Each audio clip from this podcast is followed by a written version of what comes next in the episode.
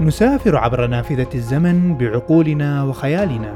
تارة للماضي فنشهد لحظات بناء الكون وتفاصيله وتارة للمستقبل فنرصد مستعمرات لبشر على ظهر كواكب أخرى. ومن بين هذا وذاك نمر بكواكب ونجوم ومجرات. كل ذلك بغية لإشعال حماس معرفي لحاضر ومستقبل أفضل. معكم حسن الشرازي وأهلا بكم في الكون بودكاست.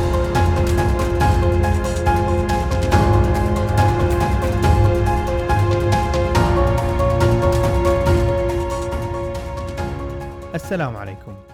في الحلقة الماضية بدأنا الحديث عن محطات الفضاء. تكلمنا عن تاريخها وطريقة عملها وأهم القصص اللي مرت فيها من بدايتها إلى نهاية فترة حياتها. فتكلمنا عن أول محطات ساليوت من الاتحاد السوفيتي وبعد ذلك غطينا أهم ما يميز محطة الفضاء سكايلاب من الولايات المتحدة الأمريكية وانتهينا عند محطة مير الدولية وشاهدنا كيف كانت هذه المحطة نقطة تحول في سباق الفضاء والصراع بين الاتحاد السوفيتي والأمريكي وتحولها إلى محطة سلام بعد الزيارات والعمليات المشتركة. اليوم راح نكمل الحديث والتسلسل الزمني لهذه المركبات العملاقة في الفضاء وراح نغطي أهم وأضخم محطة فضاء صنعت على الإطلاق ولا زالت تحوم حول الأرض كل 90 دقيقة. ونعرف كل تفاصيلها وهي محطة الفضاء الدولية الحالية. بعد ذلك راح نتكلم عن محطة شيانغونغ الصينية وكيف ممكن لهذه المركبة أن تأخذ القيادة من محطة الفضاء الدولية وتوسع رقعة ومساحة الفهم البشري لهذا الكون وزيادة قدرة الإنسان للتعايش في الفضاء. ولكن قبل ذلك أنوه بأن هذه الحلقة من البودكاست تأتيكم برعاية من مؤسسة الكويت للتقدم العلمي.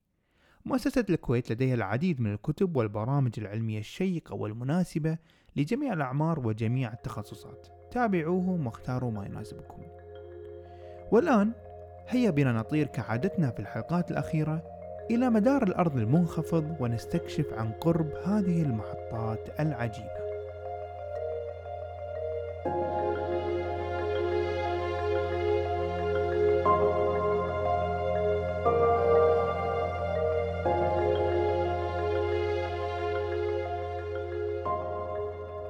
تخيل أمامك جسم موضوع داخل ملعب كرة قدم. وهذا الجسم يغطي مساحة الملعب بالكامل. وأقول لك ما رأيك أن هذا الجسم سيطير ويرتفع من الأرض إلى الفضاء ويدور حول الأرض بسرعة مهولة جدا بحيث يكمل دورة كاملة كل 90 دقيقة. قد يبدو ذلك وكأنه فصل من كتاب أو مشهد من فيلم خيال علمي ولكن في الواقع هذا بالفعل حجم وواقع محطة الفضاء الدولية أو كما نطلق عليها ISS اختصارا ل International Space Station. فهي أكبر وأضخم جسم من صنع البشر يدور في الفضاء. فإذا أردنا أن نبسط أبعادها اختصارا بالطول والعرض فهي تساوي 109 أمتار طول في 73 متر بالعرض. ولأنها بهذا الحجم والضخامة فقصة بنائها وإطلاقها في المدار بالتأكيد لم تكن سهلة ولم تكن بين ليلة وضحاها. المحطة عبارة عن تكاتف دولي وتعاون على مستوى كبير الذي أنتج لنا هذه المركبة الضخمة جدا. ففي تلك الفترة من منتصف الثمانينات من القرن الماضي وما بعد ذلك كانت تراود وكالة الفضاء الأمريكية فكرة إطلاق محطة فضاء دولية تحت مشروع ضخم يسمى فريدوم هدف المشروع كان تحقيق العديد من التطلعات العلمية والتجارية المختلفة. أخذ المشروع موافقة الرئيس الأمريكي رونالد ريغن وأعلن عنه بعد ذلك على أنه أحد برامج الفضاء الرئيسية القادمة في تلك الفترة. ولكن كانت التصاميم لهذه المحطة ضخمة جدا وذات تكلفة عالية جدا جدا.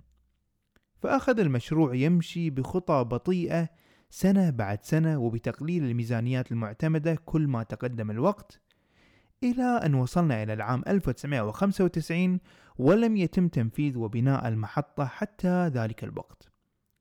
وفي تلك الفترة ازدهر قطاع الفضاء ونضج بشكل كبير بين دول العالم ولم يعد مقتصرا على الروس والأمريكان. فاليابان كان لديها حلم وفكرة لبناء محطتهم الخاصة في الفضاء وبدأوا العمل عليها في تلك الفترة. وكذلك كندا كانت لديها مخططاتها الخاصة باستخدام تكنولوجيا الأزرع الروبوتية التي كانت تعمل عليها. وبالإضافة لذلك وكالة الفضاء الأوروبية كانت تخطط أيضا لإطلاق مشروعها الخاص في الفضاء عن طريق Columbus Science Platform ولا ننسى بالطبع روسيا فهي الأخرى أرادت استكمال مشوار محطة مير الدولية بإطلاق برنامج محطة مير 2 الذي سيكون مطور وأكبر ومحسن عن النسخة التي قبلها. ولكن كان هناك قاسم مشترك يجمع كل هذه الوكالات والمحطات التي رسمت ووضعت على الورق. والقاسم المشترك هنا كان نقص التمويل وعدم وجود الميزانيات الكافية لإنشاء هذه المحطات المختلفة. ولمعرفة تفصيل وأهمية فكرة أخذ الميزانيات لمشاريع الفضاء فقد سبق وشرحتها بشكل مختصر في حلقة برنامج آرتميز لبرنامج القمر يمكنكم الرجوع والاستماع إليها. فهذه الصعوبة بتمويل المشاريع كان هو التحدي الأبرز والسمة الغالبة لها. ومن هنا ولدت فكرة التعاون بين كل تلك الدول. فإذا كانت الدول جميعها تسعى لنفس الهدف وهو وضع محطة فضاء في المدار حول الأرض فلماذا لا يتم التعاون بينهم وتصبح محطة دولية؟ فكل دولة كانت قد بدأت العمل على محطتها ولم تنجز يمكنها المشاركة بنفس النموذج لبناء محطة أكبر مشتركة بين هذه الدول وذلك بتركيب هذه القطع العملاقة لتكون نواة للمحطة الدولية. طبعا جميع هذه الدول لم تجتمع بشكل مباشر كلها مع بعضها البعض، لا، بدأت بشكل مبدئي واقتراحات وأصوات تنادي من هنا وهناك تدريجيا حتى أخذ خطوات أكبر مع الوقت.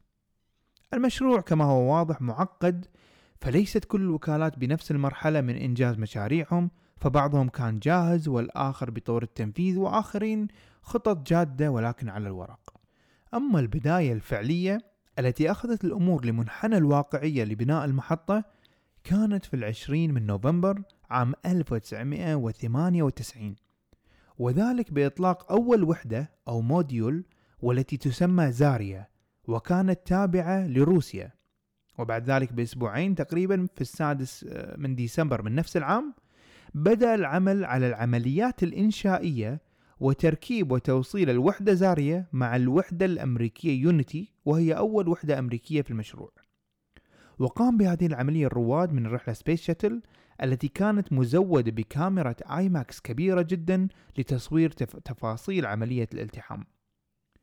بعد ذلك تدريجيا بمرور السنوات انتقلت الوحدات الأخرى بنفس الوضعية بالتحام وراء الآخر من وكالات الفضاء للدول الخمسة إلى أن وصلنا للمحطة بشكلها ومواصفاتها الحالية بحيث لدينا مجموع 16 وحدة. ستة منها الرصيد الروسي زاريا وسفيتسا وبيرس وغيرها والأمريكان لهم نصيب بثمان وحدات بيم وليوناردو ويونيتي وباقي أخواتهم ووحدة يابانية أعتقد أنها الأكبر من بين الوحدات ووحدة أخيرة تابعة لوكالة الفضاء الأوروبية إيسا تسمى كولومبوس. وبذلك وإلى يومنا هذا ملكية محطة الفضاء مقسمة بين هذه الدول الخمسة الأساسية المشاركة في بناء المحطة.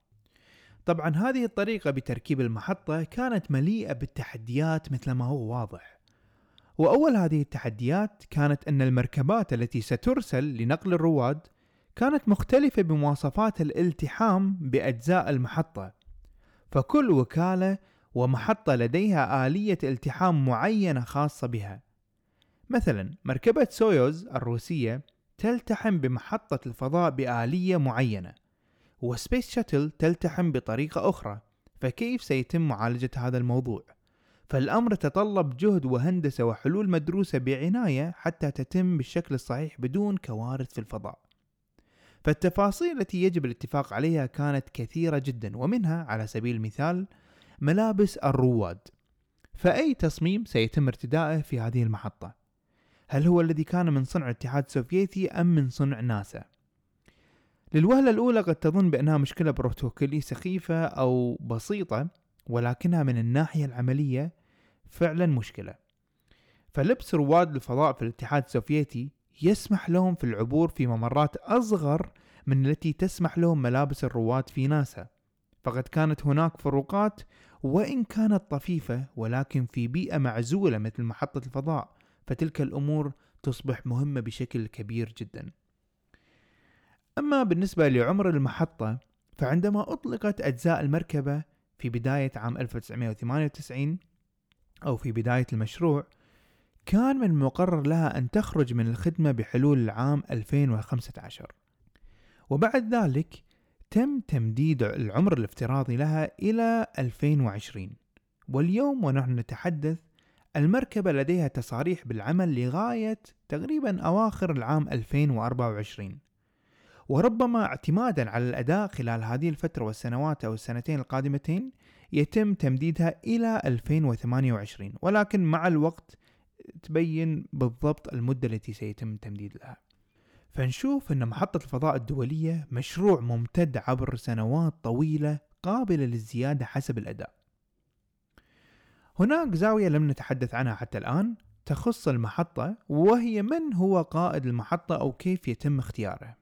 لأنه كما نعرف فالرواد يتم تبديلهم من فترة إلى أخرى. قائد المحطة عادة يكون من الدول المؤسسة وكذلك الرواد اللي يزورون المحطة هم بالعادة من الدول المؤسسة باستثناء بعض الزيارات الخاصة مثل ما حدث مؤخرا مع الرائد هزاع المنصوري من قبل إخواننا في الإمارات.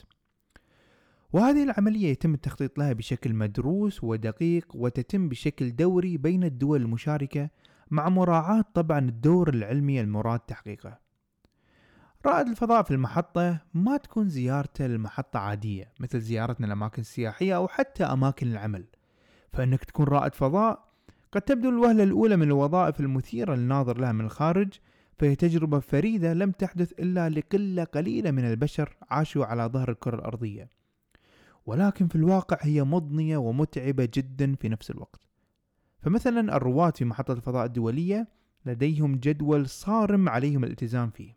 يستيقظون في السادسة صباحا ويقومون بالتمارين لمدة ساعتين تقريبا وذلك مهم جدا لعدم فقدان الكتلة العضلية ولا تتأثر عظامهم. ويعملون لمدة ستة أيام بالأسبوع لمدة عشر ساعات يوميا عدا يوم واحد إجازة وغالبا أعتقد يكون يوم الأحد. ومتطلب منهم أن يقوموا بكل شيء حرفيا. القيام بالمهمات العلمية التأكد من أمان المحطة ومسارها التواصل مع الأرض التواصل مع المدارس لعمليات النشر العلمي مهمات المشي الفضائي وكل شيء يمكن أن تتصوره. ويتبقى الآن الإشارة إلى استخدامات المحطة فهي ما بين دراسات حول المعيشة في بيئة مثل الفضاء حول النباتات الحيوانات الأسماك وكيفية تأثيرها وتأثرها في تلك البيئة لنتعلم كيف يمكن أن نعيش في بيئة غير الأرض. طبعا هذه الدراسات بالعادة تكون ممولة من الحكومات والقطاع الخاص والجامعات وكذلك دراسة التغيرات على أجسامنا وتصوير وتحليل الأرض لأكثر من علم وأكثر من جانب. فهناك آلاف وعشرات الآلاف لا أعلم ربما يمكن وصلنا إلى ملايين الصور للكرة الأرضية بغرض التحليل للغلاف الجوي والمتغيرات البيئية وغيرها. وكل ذلك يفيد للصالح العام ويصب في العلوم المختلفة. هذه باختصار قصة وطبيعة محطة الفضاء الدولية التي بلا شك هي من أبدع ما صنعت الوكالات الدولية ومن أهم الأمثلة على أن قطاع الفضاء قطاع تجب فيه المشاركة بين الدول والمؤسسات للحصول على أفضل النتائج. ولكن في الحقيقة ذلك ليس بالضرورة وهناك استثناءات. ومن أهم هذه الاستثناءات هي ما سنتعرف عليه بعد قليل عن محطة شقت طريقها واستقرت في المدار بمجهود فردي من دولة واحدة لحالها من دون المشاركة من قبل دول أخرى. والحديث هنا عن قصر السماء.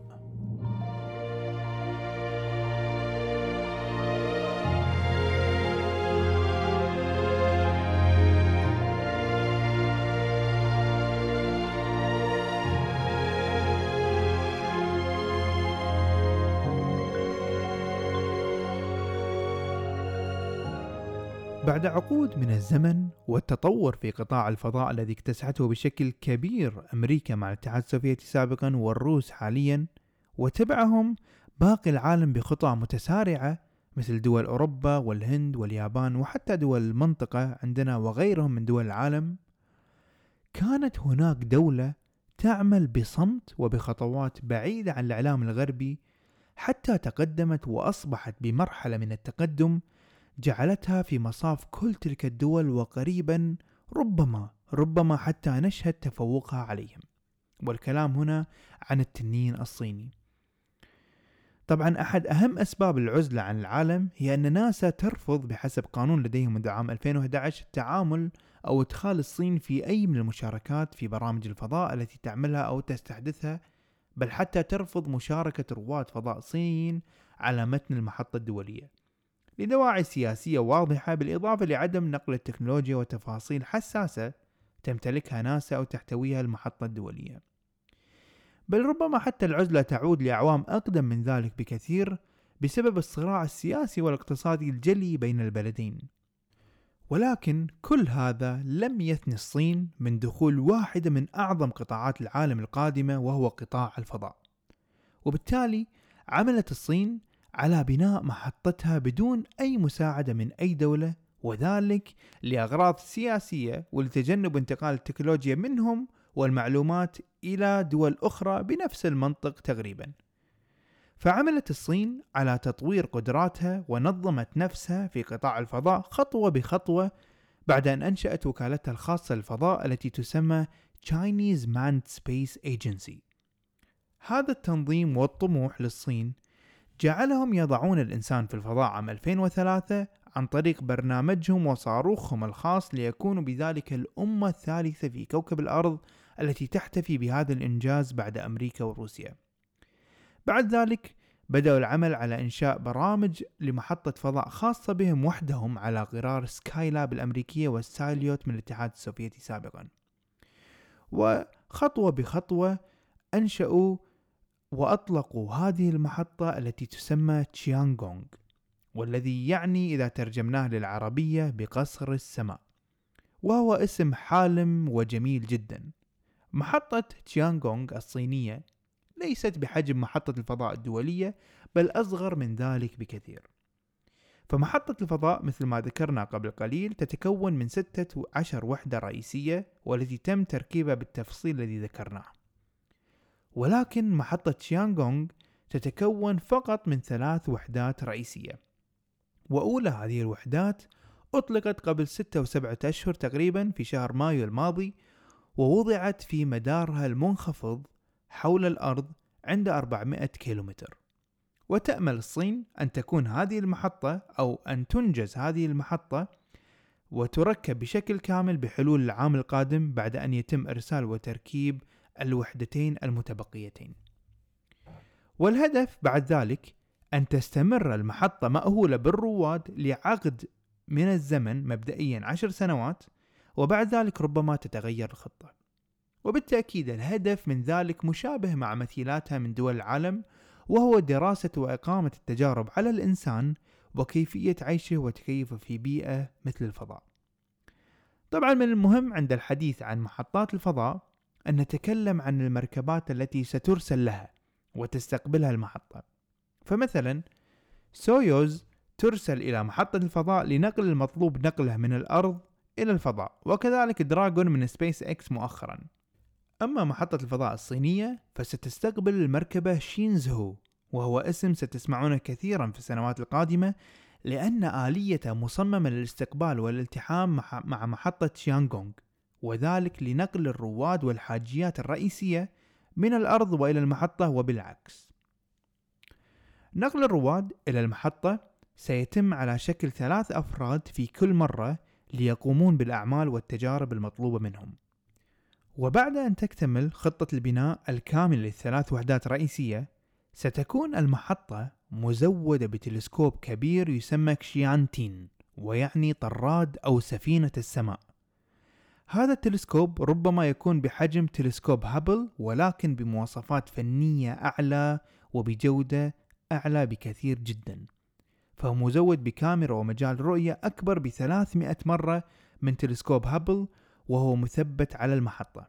فإذا كانت هناك عمليات صيانة وإصلاحات مطلوبة يمكن إجراءها بسهولة مقارنة بالعمليات الصعبة والمكلفة جدا لتلسكوب هابل الذي يسبح بالفضاء مثل ما حدث في مناسبات سابقة لهابل فنجد أن الصين ستقطع دروب طويلة في تكنولوجيا الفضاء ستمكنها من ريادة المجال خصوصا إذا تم انتهاء خدمة محطة الفضاء الدولية عام 2024 كما أعلن في وقت قريب.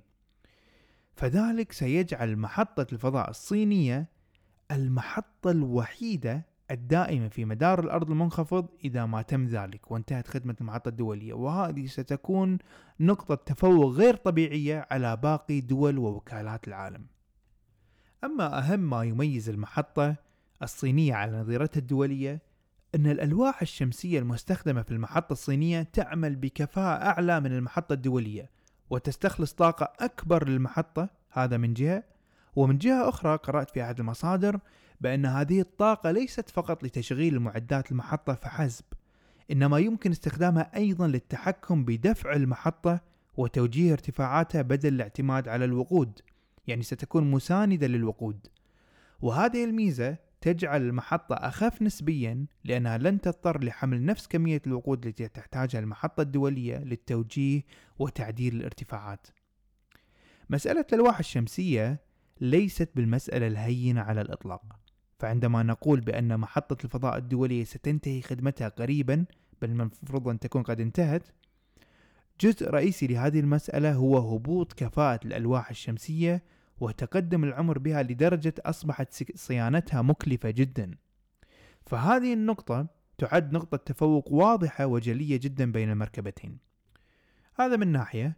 ومن ناحية أخرى فعلى الرغم من أن المحطة الصينية أصغر بالمساحة وبالحجم بكثير من محطة الفضاء الدولية إلا أنها أعلى بالكفاءة من ناحية القدرة على استضافة الرواد على متنها.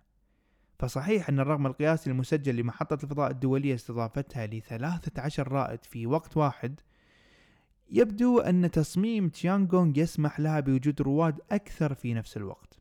غير التلسكوب المحمل اللي ذكرناه والكثير من المميزات الأخرى لتيانغونغ وجود قصر السماء أو تيانغونغ في المدار المنخفض يعتبر منعطف مهم في قطاع الفضاء. فالآن أي مؤسسة أو جهة تريد عمل الدراسات اللازمة في الفضاء لديها أكثر من خيار واحد كما كانت العادة سابقا بالنسبة لمحطة الفضاء الدولية. فيمكن لهذه المؤسسات الاستعانة بتيانغونغ بل ربما تكون العملية أسهل من محطة الفضاء الدولية كون أن الموافقات اللازمة ستكون منوطة بجهة واحدة وهي الصين. بينما في حالة المحطة الدولية تجب الموافقة على كل ذلك من قبل خمسة دول. والعالم يترقب اكتمال وبناء هذه المحطة في السنة القادمة أو بعدها عن طريق اكتمال التحام الثلاث وحدات رئيسية لتعمل كما مخطط لها. هذه باختصار قصة شيانغونغ وأهم ما يميز هذه المحطات وآخر عهدنا بمحطات الفضاء التي يعرفها الإنسان. وفي الحلقتين القادمتين لن نذهب بعيدا عن مركبات الفضاء فسأغطي موضوع عن التلسكوب الأهم الذي غير نظرتنا للكون وأعطانا أبعاد لم نكن نفهمها لمدة طويلة من الزمن وهو تلسكوب هابل وبعد ذلك سريعا سأحاول عمل حلقة عما قد يكون أعظم تلسكوب ستراه عيناك وهو التلسكوب جيمس ويب والذي سيطلق قريبا بعد طول انتظار ليكشف لنا أسرار دقيقة عن بداية الكون المنظور والكثير من الأعاجيب. فحتى ذلك الحين كونوا بخير وإلى اللقاء.